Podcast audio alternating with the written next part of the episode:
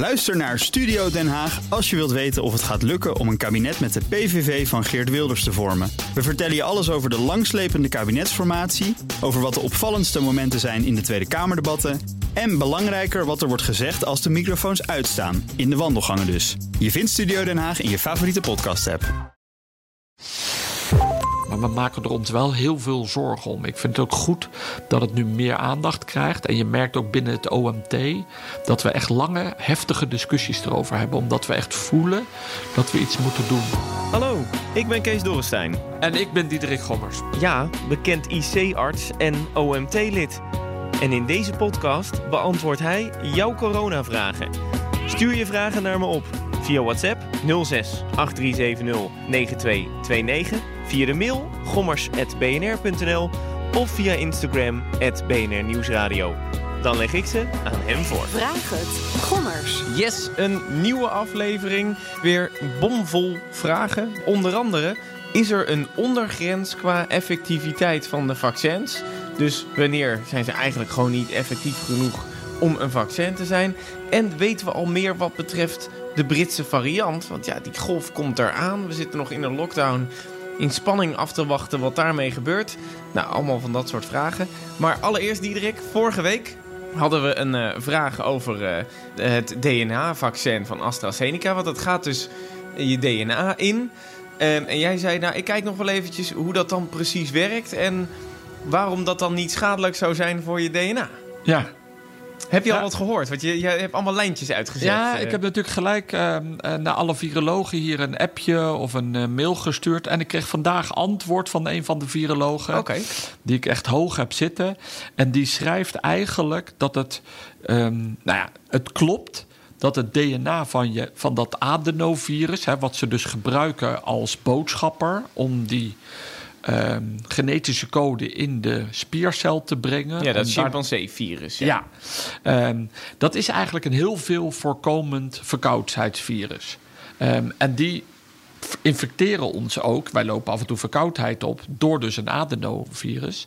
Um, en wij merken eigenlijk niet, er is geen bewijs dat jouw DNA, jouw eigenschappen zijn veranderd door verkoudheidsvirussen. Er is nog nooit aangetoond dat iemands DNA veranderd is door verkoudheidsvirussen. En uh, diegene zegt dan, dat is toch wel heel belangrijk dat het dus eigenlijk niks mee gebeurt. Um, en daarbij zegt hij, um, om dat DNA van dat virus te laten integreren met jouw DNA, eigenlijk een soort versmelten, daarbij heb je een enzym nodig, integrase.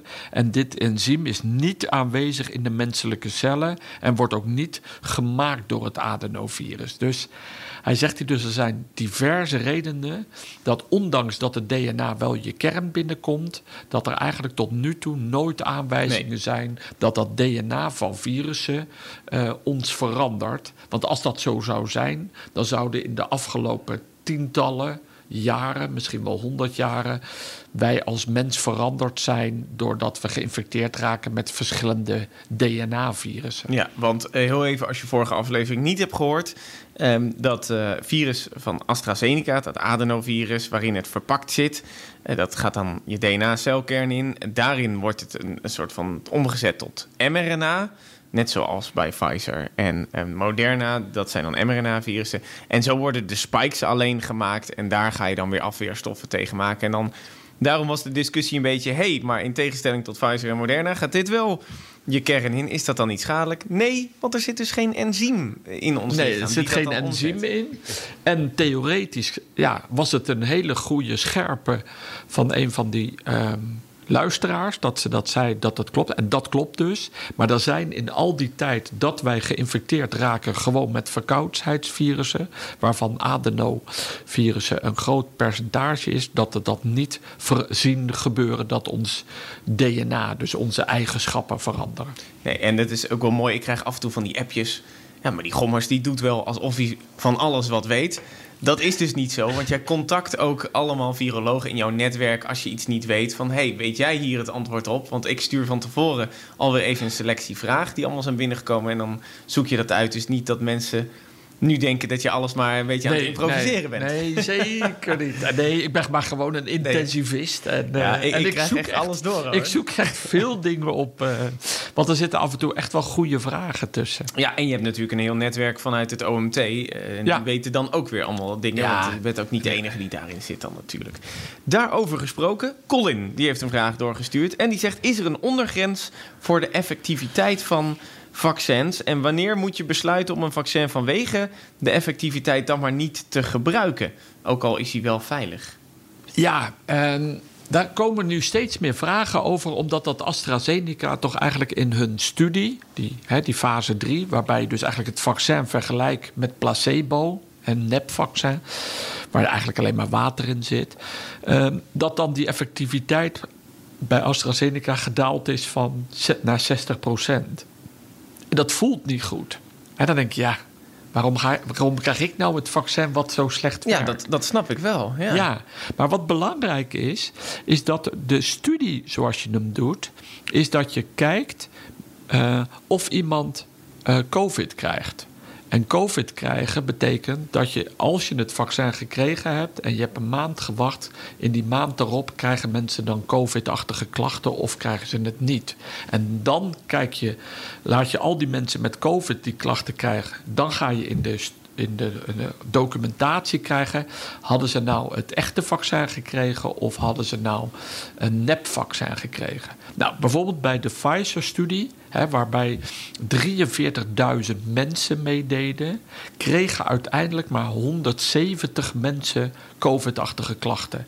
En toen bleek achteraf van die 170 dat 162 zaten in de placebo en acht hadden maar eh, het vaccin gekregen. Dus dan zeg je eh, 162 gedeeld door 170, want dat waren het totaal aantal, is 95 procent. De, de kans is zoveel kleiner eigenlijk Ja. dat je het krijgt. Maar ja, dan, eh, maar dan is het dus belangrijk. Dus in die AstraZeneca gaat het dus om 60% Maar wat nou heel belangrijk is, eigenlijk is het allerbelangrijkste, is of jij niet ernstig ziek wordt. En dus die andere 40% daar bleek niemand eh, uit dat hij naar het ziekenhuis moest of dat hij dus naar de intensive care moest. En dat is eigenlijk het allerbelangrijkste.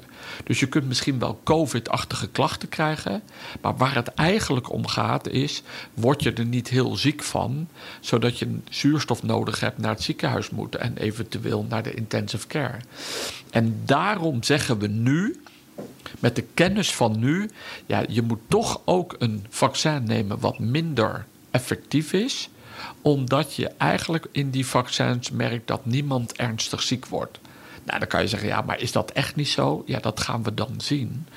Maar uit die studies blijkt dat dat niet zo is. Dan zegt Colin dus van, is er dan nog een soort van ondergrens wat betreft de, als een vaccin maar 40% effectief is, eh, moeten we hem dan nog wel gebruiken, bij wijze van? Nou ja, dat hangt natuurlijk weer heel erg af van de, de, hoeveel vaccins we nodig hebben en hoe hoog die druk is. Dus ik weet niet, ik ken niet een ondergrens. Want ik denk dat het het belangrijkste is dat je niet ernstig ziek wordt. Blijkt nou uit een studie dat er toch ook veel mensen ernstig ziek worden.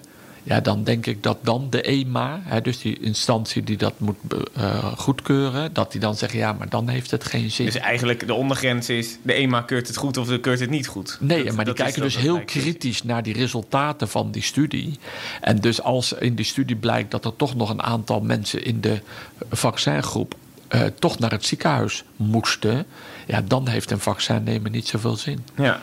Hij zegt ook nog: is er nog binnen het OMT gesproken over die effectiviteitsverschillen in het kader van vaccinatiebereidheid? Want ik krijg nou wel veel uh, 60ers tot 65ers eigenlijk die uh, zich melden in de app en die zeggen: Ja, maar ja, ik krijg dan weer de, de lage. Ik, ja, ik wil die eigenlijk niet. Ik wil me, dan laat dan maar zitten. Ja, mensen worden er ook echt boos. Ik krijg sommige mensen die echt een boos mailtje.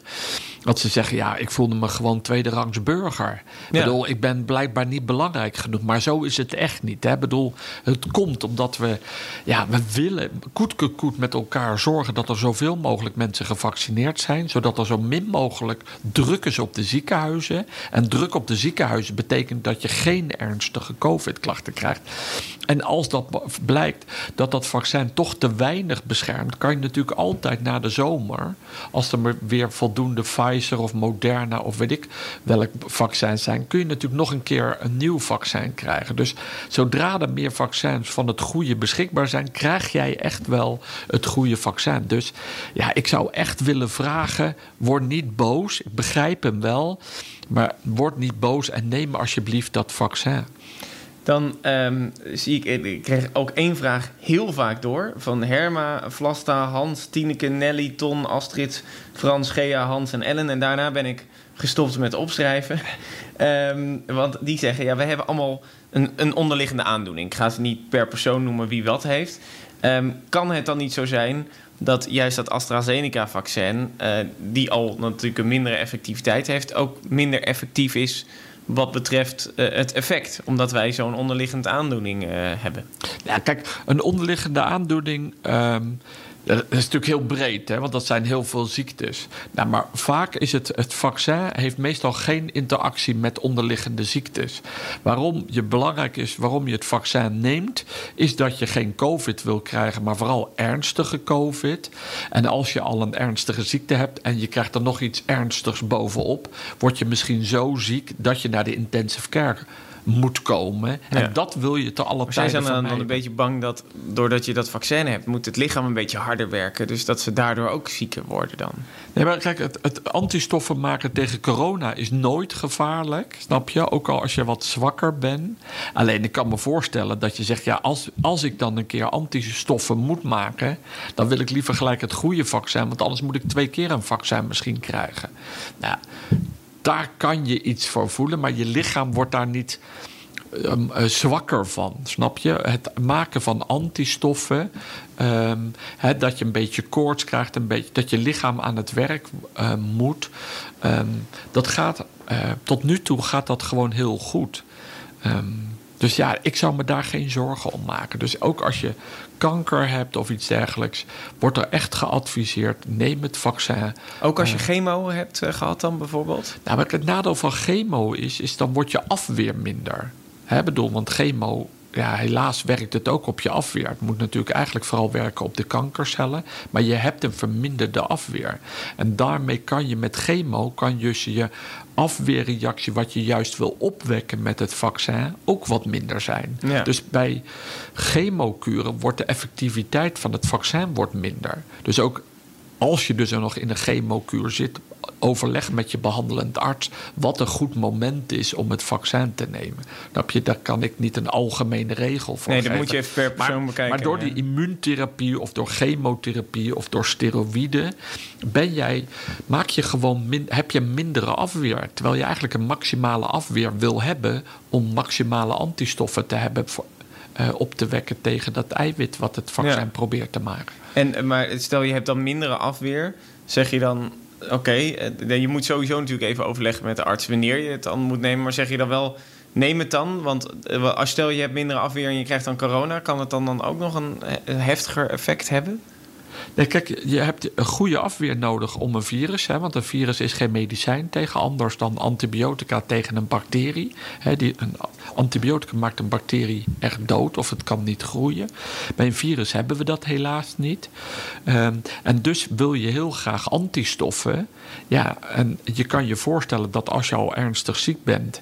Uh, en je krijgt daar bovenop nog ernstige klachten van COVID. Ja, dat, dat wil je niet graag. En daarom wordt het aangeraden, ook mensen met kanker, dat ze wel het vaccin nemen, zodat ze de kans dat ze ernstig ziek worden van het COVID-19-virus klein is. Ja, dus het is het verschil tussen COVID krijgen en uh, ernstig ziek worden van COVID. Nou, nu heb je direct ook de vraag van Hans. Uh, de heer Smit, Nelleke en Jan beantwoord. Want die vroegen zich dan af hoe het zat met kankerpatiënten. Een paar hiervan zijn het ook zelf. En die ja. vroegen ook van ja, ik heb chemo, dus dat is lastig. Dat gaat, dat gaat maar Ja, maar dan moet je dus rond die chemo of immuuntherapie... moet je echt even met je behandelend arts... wat de goede timing is. Ook, hè, bedoel, dus kankerpatiënten... die hebben geen extra risico op het, hè, als ze een vaccin krijgen. Maar je moet wel even, als je bloed- of lymfeklierkanker hebt... dan moet je echt wel even overleggen met je behandelend behandelend arts. Want dat is net weer anders dan andere vormen van kanker. let daar dus op en, en bel de arts. En die kan dan een advies eh, samen met jou eh, eh, formuleren. Dan zeggen Rut en Margreet nog eventjes. Wat betreft die vaccins, want ja, er zijn, komen gewoon, ja, we zitten in de vaccinperiode, dus er komen gewoon heel veel vragen daarover binnen. Zij zeggen, wij hoorden het nieuws dat er wat mensen zijn overleden na vaccinatie vanwege hun fragiele gezondheid. Hoe gevaarlijk is het voor mensen met een fragiele gezondheid, die ook echt al wel wat ouder zijn, dus misschien zelfs ver in de 80, in, de 90, eh, om dit vaccin te nemen? Want ja, er zijn een, een paar, het LAREF, die, die organisatie die daarover gaat, eh, die bepaalt van, die de bijwerkingen bijhoudt in Nederland, die kunnen wat betreft een, een kleine groep hiervan niet nog duidelijk aangeven waarom ze nou zijn overleden. Ja, dat is ook echt moeilijk. Hè? Want we hebben dat verhaal ook gehad uit Noorwegen in een verpleeghuis. En nu hebben we het ook in Nederland gezien. Hè? Dat een aantal mensen waren overleden. Ja, een stuk of volgens mij 30 of zo. Ja, 30. En er waren nu al bij LAREP 35 mensen gemeld. En de LAREP zit daar wel bovenop. En de vraag is altijd: overlijd je door het vaccin? Nou, wat ik net zei, door het vaccin krijg je wat koord, krijg je wat griepachtige klachten. Maak je dus antistoffen. En, de, en je verwacht eigenlijk dat dat proces, dat je daar niet dood van gaat. Snap je? Als een ouder iemand een verkoudheidsvirus oploopt, hè, even geen COVID, maar dat adenovirus, ga je dan dood door de verkoudheidsvirus omdat die antistoffen maakt? Of is die eigenlijk zo fragiel, hè, luxe woord van zwak, ehm, dat hij eigenlijk doodgaat aan iets anders? Ehm, omdat ze hard, harder moet werken eh, door de koorts, hè, dan krijg je een wat snellere hartslag. Of gaat hij gewoon dood omdat hij ehm, iets krijgt die week, omdat het gewoon zijn lichaam op is, hè, noemen we dat eigenlijk. Ja, want dit, En, dit en dat is altijd lastig in de relatie dan met het vaccin. Ehm, en de LAREP geeft tot nu toe aan, en ik heb niet gedetailleerd gekeken naar die 30, 35 patiënten die zijn overleden. Dus ik Nee, ga, daar zijn zij nu naar aan het kijken, want zij weten het van die patiënten ook nog niet. Dat Nee, het maar zij geven ja. tot nu toe aan, en vooral uit dat onderzoek uit Noorwegen, blijkt niet dat er een echte directe oorzaak te leggen was met het vaccin. Maar ze zitten er wel bovenop. Het is wel belangrijk. En wat ik vorige keer ook zei. Ja, er zijn al heel veel miljoenen mensen nu eh, al gevaccineerd. Dus als er echt iets naar boven komt, gaan we dat ook echt wel horen. Ja, dan hadden we het misschien al zelfs al moeten horen. Ja, eh, want ik bedoel, hè, eh, ik hoorde gisteren Marcel Levy zeggen hoeveel miljoenen er al gevaccineerd zijn. Ja, in- dat is die arts uit Groot-Brittannië. Ja, Groot-Brittannië, hoeveel miljoenen er in, in Engeland al gevaccineerd zijn. En, en we weten in Israël, daar zitten ze al tegen de 8 miljoen mensen aan. Ja, en zo gaan we door. In Amerika wordt overal wordt nu gevaccineerd. Dus er komen heel veel data En stel dat er beschikbaar. dan ergens iets misgaat, dan wordt er ook aan de bel Ja, getrokken. van gelijk. Ik bedoel, want hey, let op. die, die Pfizer of AstraZeneca, dat zijn farmaceutische bedrijven, die, die houden alles in de gaten. Zodra er een bijwerking is die serieus is, wordt er gelijk gekeken naar welk batchnummer was dat, is daar wat misgegaan en komt dat direct in het nieuws. Want je wil absoluut zeker zijn dat niemand ehm, schade oploopt van een vaccin. Nu, nu eh, zag ik ook iemand die noemde ook, die zegt van ja, Pfizer die he- heeft niemand boven de 85 getest. Eh, want dat vonden ze eigenlijk niet, niet ethisch om die in de groep mee te, mee te nemen. Eh, dat maakt het wel lastiger dan, denk ik. Ja, en, en dus moet je het dan op theoretische gronden doen. Verwacht je als je iemand ouder dan 85 dat er een kans bestaat dat hij overlijdt? Nou, daarom hebben ze besloten om het wel te doen, omdat er gewoon geen theoretische eh, beredenering, geen uitleg kon geven om dat niet te doen. Bijvoorbeeld bij de AstraZeneca, daar zijn ze iets voorzichtiger, omdat bleek uit hun studie dat ze toevallig meer mensen, of vooral eigenlijk mensen onder de 55 hadden gevaccineerd en relatief weinig daarboven. En daar heeft veel landen hebben nu een grens aangegeven van 64 of 65 jaar, hangt een beetje af welk Dus land. sommige 60, sommige 55. Het is heel Ja. wisselend, hè? In Ja. Ja. Maar die geven dus aan, eh, geven tot ze- 65 jaar geloof ik in Nederland en niet daarboven. Maar uit die studie blijkt dat de mensen die ouder waren, ook al was de groep kleiner, die hadden precies dezelfde effectiviteit en dezelfde werking als mensen jonger dan 55. Worden er sowieso, wat betreft deze studies, Eh, daar worden altijd groepen voor geselecteerd.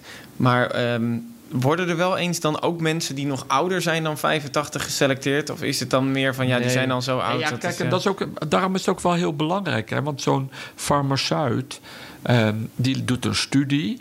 Maar die doet die studie natuurlijk wel voorzichtig. Want ja, niemand heeft ooit dan nog een vaccin Nee, of en je dat weet niet vaccin. wat de gevolgen en dus zijn, worden ja. ook heel veel mensen uitgesloten. We hebben het vorige keer gehad over zwangeren. Nou, die zitten er vaak niet in. Mensen met kanker zitten er vaak minder als in. het extra gevolgen heeft, dan gaan die mensen in dus- de studie misschien eruit. Ja, dus het is ook altijd heel belangrijk dat na zo'n studie... dat je dan ook kijkt hoe is het in de dagelijkse praktijk. Dus die informatie hebben we nu vooral bijvoorbeeld uit Israël of uit Groot-Brittannië. Want daar worden nu, in Groot-Brittannië worden ook heel veel ouderen. En in Israël worden heel veel ouderen gevaccineerd. En ook met, en dus hele bevolkingsgroepen met verschillende ziektes. Dus daar komt eigenlijk pas de goede informatie. Hè. Die is nu ook dat de effectiviteit in Israël is geen 95%, maar 92%. Maar dat is dan 92% in hun bevolking. Ja, in die En hun samenstelling van de bevolking met alle ziektes en leeftijden daarbij. Nou ja, dat is eigenlijk de beste informatie. Een vraag dan van eh, Koos. Iets heel anders. Ik denk dat het Koos boer is, want die heeft het over zijn biggen. Die zegt, mijn biggen worden onder hoge druk gevaccineerd. En dat gaat hartstikke snel. Eh, Is het geen goed idee om dat ook bij mensen te doen? Dan kunnen we meters maken. Ja, dan maar moet jij mij even helpen. Ik dacht hoge druk, dat is zo'n hoge drukspistool of ja, zo dan? dat denk ik, dat En denk waar- ik wel. Dat, dat schiet je iets... Ja, kijk, mijn vader had... eh, ik kom van de boerderij, mensen. Als je voor het eerst inschakelt en je denkt... hé, hey, Kees, eh, waarom heb je het hierover? Nou, ik ben op de boerderij opgegroeid. Maar mijn vader had koeien. En volgens mij gaat dat inderdaad... maar pin me er niet op vast... eh, inderdaad met zo'n hoge drukpistool. Gewoon tuk, woep, hop en, en gaan. Ja, nou kijk, wat wij natuurlijk doen bij ons is een heel dun spuitje met een heel dun naaldje. En spuit je het in de spier. Ja, het kost geen kracht. Al die spuitjes liggen klaar. Eh, je moet een kwartier in de gaten gehouden worden. Dus het inspuiten van eh, mensen. ehm, dat is niet het moeilijke. En je moet ze ook even aandacht geven. En je moet ook even kijken of het goed gaat. Ehm, en daar zijn heel veel mensen bij betrokken. Dus ik vind het een mooie suggestie. Maar op dit moment is het nog helemaal geen issue dat zo'n soort oplossing ehm, een oplossing is. Want ehm, ja, nu, zitten we gewoon te wachten op, ja. op meer vaccins. Wat dat betreft, als we dan eh, inderdaad moeten wachten... Hebben we, kunnen we wel ondertussen kijken naar Groot-Brittannië en Israël. Van gaat het daar goed? Voor al die Ja. mensen die twijfelen. Als je daar geen berichten uit hoort... dan weet je, wij lopen toch achter. Zij lopen al voor. Dus dan is dat misschien ook nogal een handig. Ja, absoluut. teken. Voor de bijwerkingen en toestanden is dat al heel goed. Dan eh, Alice, en die zegt... ja, het was afgelopen week natuurlijk koud. Is opvallend, want op het moment dat je deze podcast hoort... is het 19, 20 graden, zoiets. Maar ja, inderdaad, een week geleden was het nog eh, datzelfde getal... alleen dan met een minnetje ervoor. Zij zegt, het virus verspreidt zich heel erg eh, wat betreft kou. Kijk maar naar die slachthuizen eh, waar het zo enorm rondging. Eh, kan het zo zijn dat deze week sneeuwpret... juist voor een hoge, hogere verspreiding heeft gezorgd? Ja, daar hebben we het twee, drie weken geleden over gehad. Over droge lucht in de kou. En er is ook verwarming in huis. Hè, dus minder vochtigheid. Ja, dan blijven die kleine druppeltjes met die miljoenen virusdeeltjes hè? blijven langer hangen. Dus dan heb je makkelijker verspreiding. Dus dat is het risico van kou. En zij vraagt ook van, ja, maar is er ook een ondergrens van temperatuur dat je het virus inactiveert? Dat klopt, ja, dat was ook nog een... eh, Ja, maar dan wordt het weer anders. Maar dan moet je heel laag zitten. Hè? Dan moet je richting de min 70. Ja, hè? We vragen vriezen wij Siberië. dingen in als we geen eh, metabolisme willen. Hè? Van als we eh, samples afnemen bij patiënten voor onderzoek, dan vriezen we dat altijd bij de min 70, zodat het zo min goed mogelijk bewaard wordt. Dat je geen enzymactiviteiten hebt. Nee, geen, niks dat er geen kleine onderdeeltjes, Ja. microben toch alsnog actief zijn. Ja, nou dat is doe je dan. En, en toen zat ik te denken, ja, dan, zo zit ik dan te denken dat pas bij dat soort temperaturen misschien het virus geïnactiveerd wordt. Maar, maar stel, je hebt een sneeuwballengevecht eh, gehad. Of je hebt een wandeling gemaakt in de sneeuw met meerdere mensen. Kijk, de- tijdens de sneeuw waren er gewoon heel veel mensen buiten. Was ook een beetje, ja, dus, eh, wanneer heb je nou zo'n laag sneeuw? Eh, denk ik dan ook. Maar kan het dan zo zijn dat omdat het dan buiten zo koud is, dat alsnog de deeltjes ook buiten eh, verder eh, Ja, verspreiden? ja omdat, je, omdat de lucht toch droger is. Dus je kunt in koude lucht en ook in die eh, slachthuizen hebben ze dat gezien. Hè. Daar zat, was makkelijke verspreiding. Ze hadden het ook op de wanden van die slachthuizen. Dus toen was het echt wel een ding. Dus het zou kunnen zijn dat we veertien dagen na onze schaatsplezier... dat we een toename zien van Ja, dat kunnen we nu nog niet zien. Hè? Dat kunnen we nu nog niet Ja, het is zien. eigenlijk te vroeg, toch? Ik bedoel, meestal heb je een tijd nodig. Maar kan het dan ook zo zijn dat nu het warmer wordt, 9 19, 20 graden, dat dat misschien een hele kleine piek Ja, geeft, maar maar, dan dat zou je over hè, bedoel, dan zou je als gevolg van dat weekend zou je een toename moeten zien. En daarna moet je weer een daling zien. Maar ja, we zitten ook nog te wachten op die, al of niet, die UK-variant. Nou ja, inderdaad, want Mario, Henk en Dick. ehm, wat een mooie flow zit er in deze show zo, hè? ja, dus jij hebt de vragen gezien, dus je, je gaat zo ook een beetje af natuurlijk. Maar die vraagt zich nu af, ja, hoe zit dat nu met die besmettingen van de Britse variant? Eh, die lijken nu wat minder te zijn. Eh, eh, nog gisteren een stuk in het AD daarover eh, vanuit de RIVM. En eh, hoe zit het dan wat betreft de voorspellingen rondom maart? Ja. Nou, er is heel veel over gezegd en heel veel. De, de draagvlak gaat ook een beetje weg, want je ziet eigenlijk niks gebeuren. Ja. Ehm, en dan kan je op twee manieren uitleggen. Dan kun je zeggen, ja, er was paniek. Er komt helemaal geen Britse variant. Of we kunnen zeggen, ja, maar die Britse variant die meten we wel. Hè, want die is nu zo'n, geloof ik, van de testen die je doet, is die zo 27% aanwezig. Hè, dus van de mensen met een positieve besmetting. En in sommige gebieden is die 50% of 60%. Is een beetje afhankelijk welke regio je zit. Maar dat betekent wel dat ons gedrag goed is. En omdat we ons zo goed aan de maatregelen houden. en we zouden elkaar dus eigenlijk een schouderklopje moeten geven. eh, daardoor blijft die groei weg of het aantal besmettingen weg. En de vraag is nu, als je het loslaat, en daar is veel behoefte aan, daar wordt ook veel over gediscussieerd. Als je dan dingen loslaat, zie je het dan snel stijgen. Ja, dat is de afweging die je nu doet. Nou, dat doen wij in de RIV RIVM. Doet dat met de modelleurs. Hè. Dan stoppen ze daar allerlei data in van besmettingen, van de eh, Britse variant, zelfs de Zuid-Afrikaanse variant. Alle getallen en alle data die ze hebben, stoppen ze in die eh, modellering. Gaan, laten ze de computers draaien en dan doen ze voorspellingen. eh, maken ze voorspellingen van wat gaat er de komende maanden gebeuren. Nou, dan houden ze rekening mee hoeveel mensen er dan de komende dagen, weken nog gevaccineerd zijn. Hoe effectief is het vaccin? Het weer wordt meegenomen. Dus allerlei aspecten worden meegenomen. Ook hoeveel mensen zijn al, hebben al COVID gehad. En hè, hoeveel mensen hebben al natuurlijke antistoffen. Nou, al dat soort dingen wordt nu meegenomen. En in die modellen zie je nog steeds dat er een piek aankomt eind maart, begin april.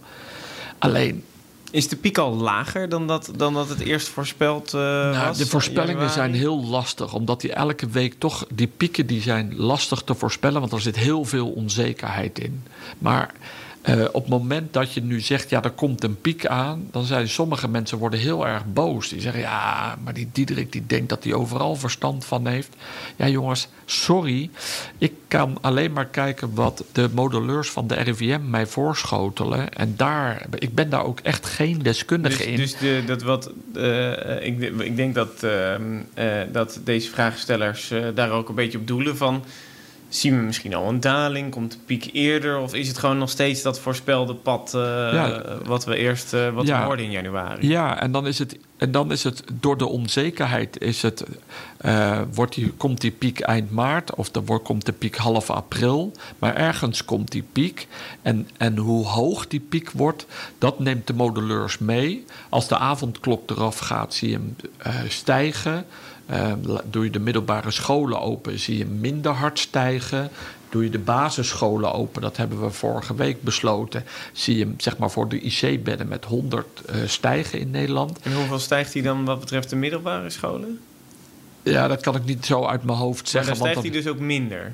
Nou ja, die middelbare scholen, dan wordt er ook weer gekeken om alternatieve plannen. Dus niet eh, de, helemaal in één keer open, maar al of niet één dag of twee dagen. Dus die modeleurs die proberen een inschatting te maken en een voorspelling te doen met de input die ze daarin stoppen en met de ervaring van, van data die ze al hebben. En dan kijken ze ook wat er in het buitenland gebeurt. Hè. De RIVM heeft ook heel veel contact met Denemarken, met, met eh, eh, Groot-Brittannië, Duitsland, Hoe Oostenrijk. zit het daar met eh, de Britse piek?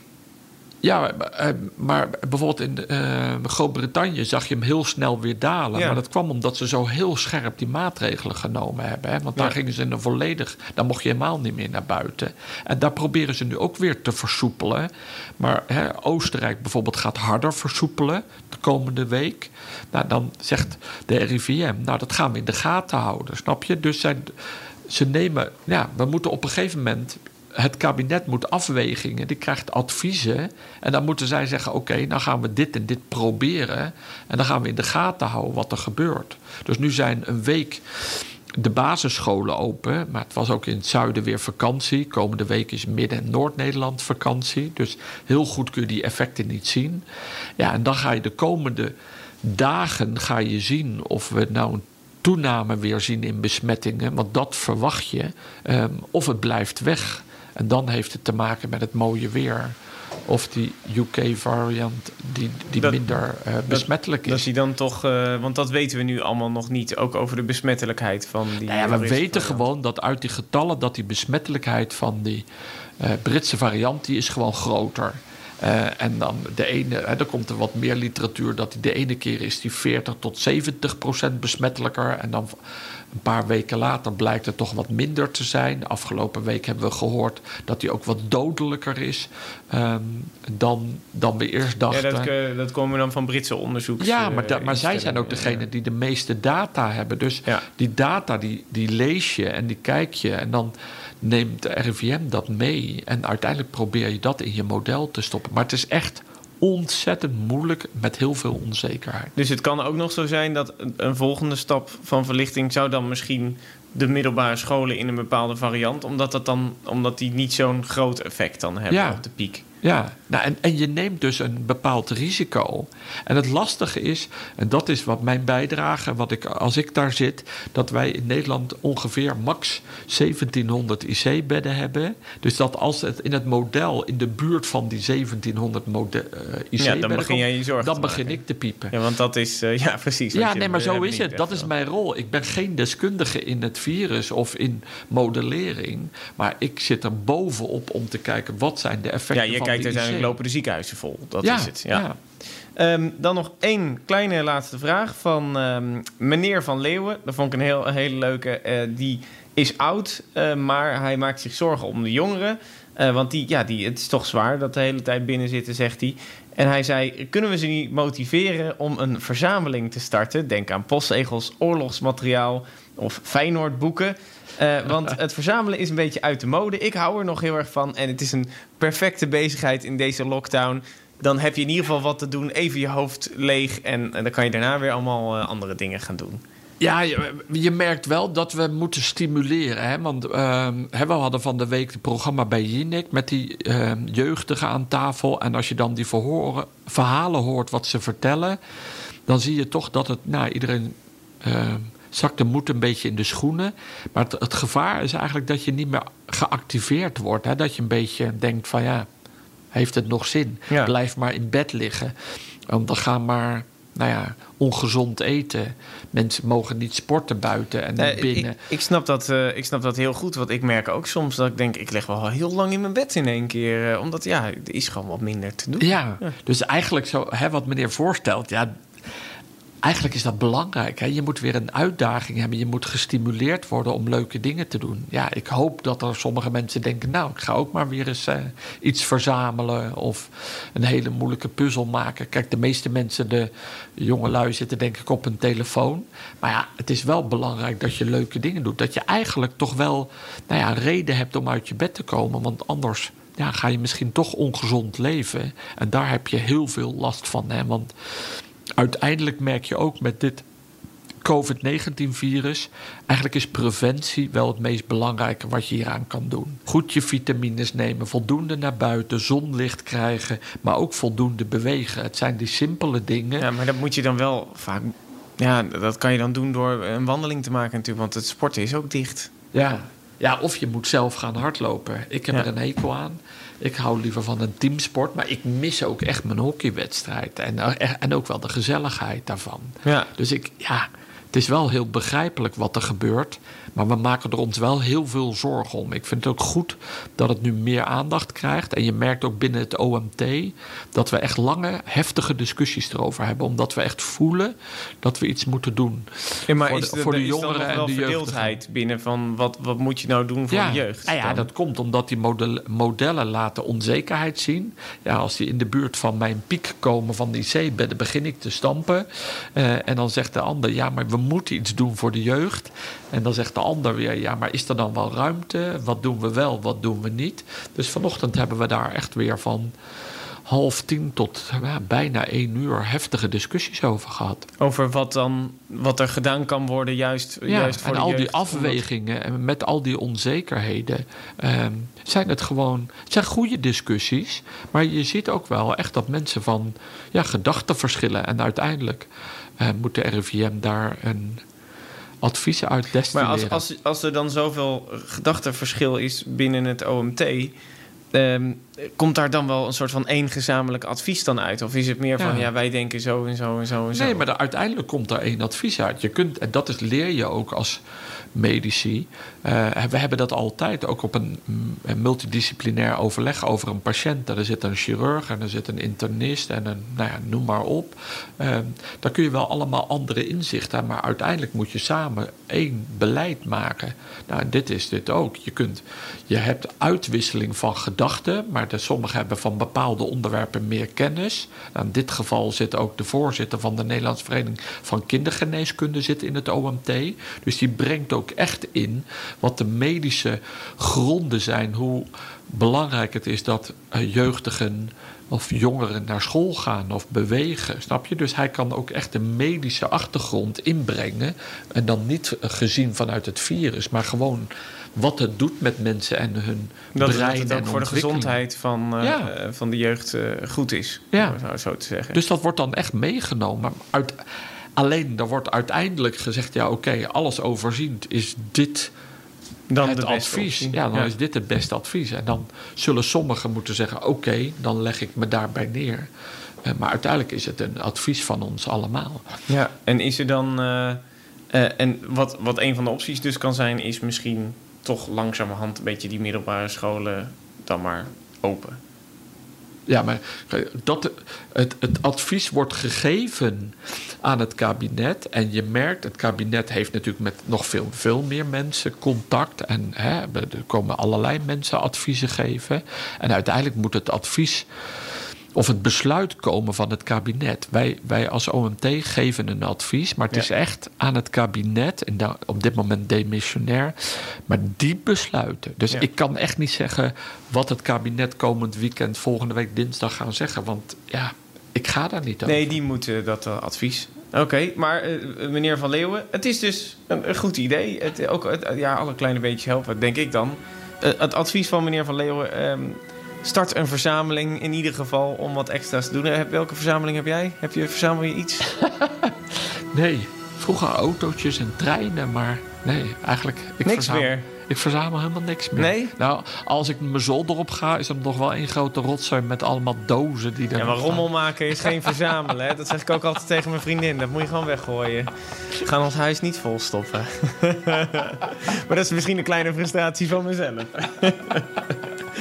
ja, ehm, heb je zelf vragen voor Diederik? App ze naar me door. 06 8370 9229. Dat is het WhatsApp-nummer van Vraag het Gommers. Of mail het naar gommers.bnr.nl. Volgende week weer eh, allemaal nieuwe vragen. Kom maar door.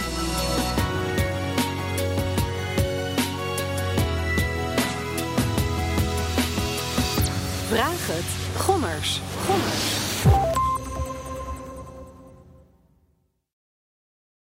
Ook Liesbeth Staats vind je in de BNR-app. Ja, heel handig. Luister live naar Kees en mij tijdens de Daily Move. Dan blijf je ook gelijk op de hoogte van breaking news en het laatste zakelijke nieuws. En daar vind je ook alle BNR-podcasts, waaronder de Perestrooikast. Download nu de gratis BNR-app en blijf scherp.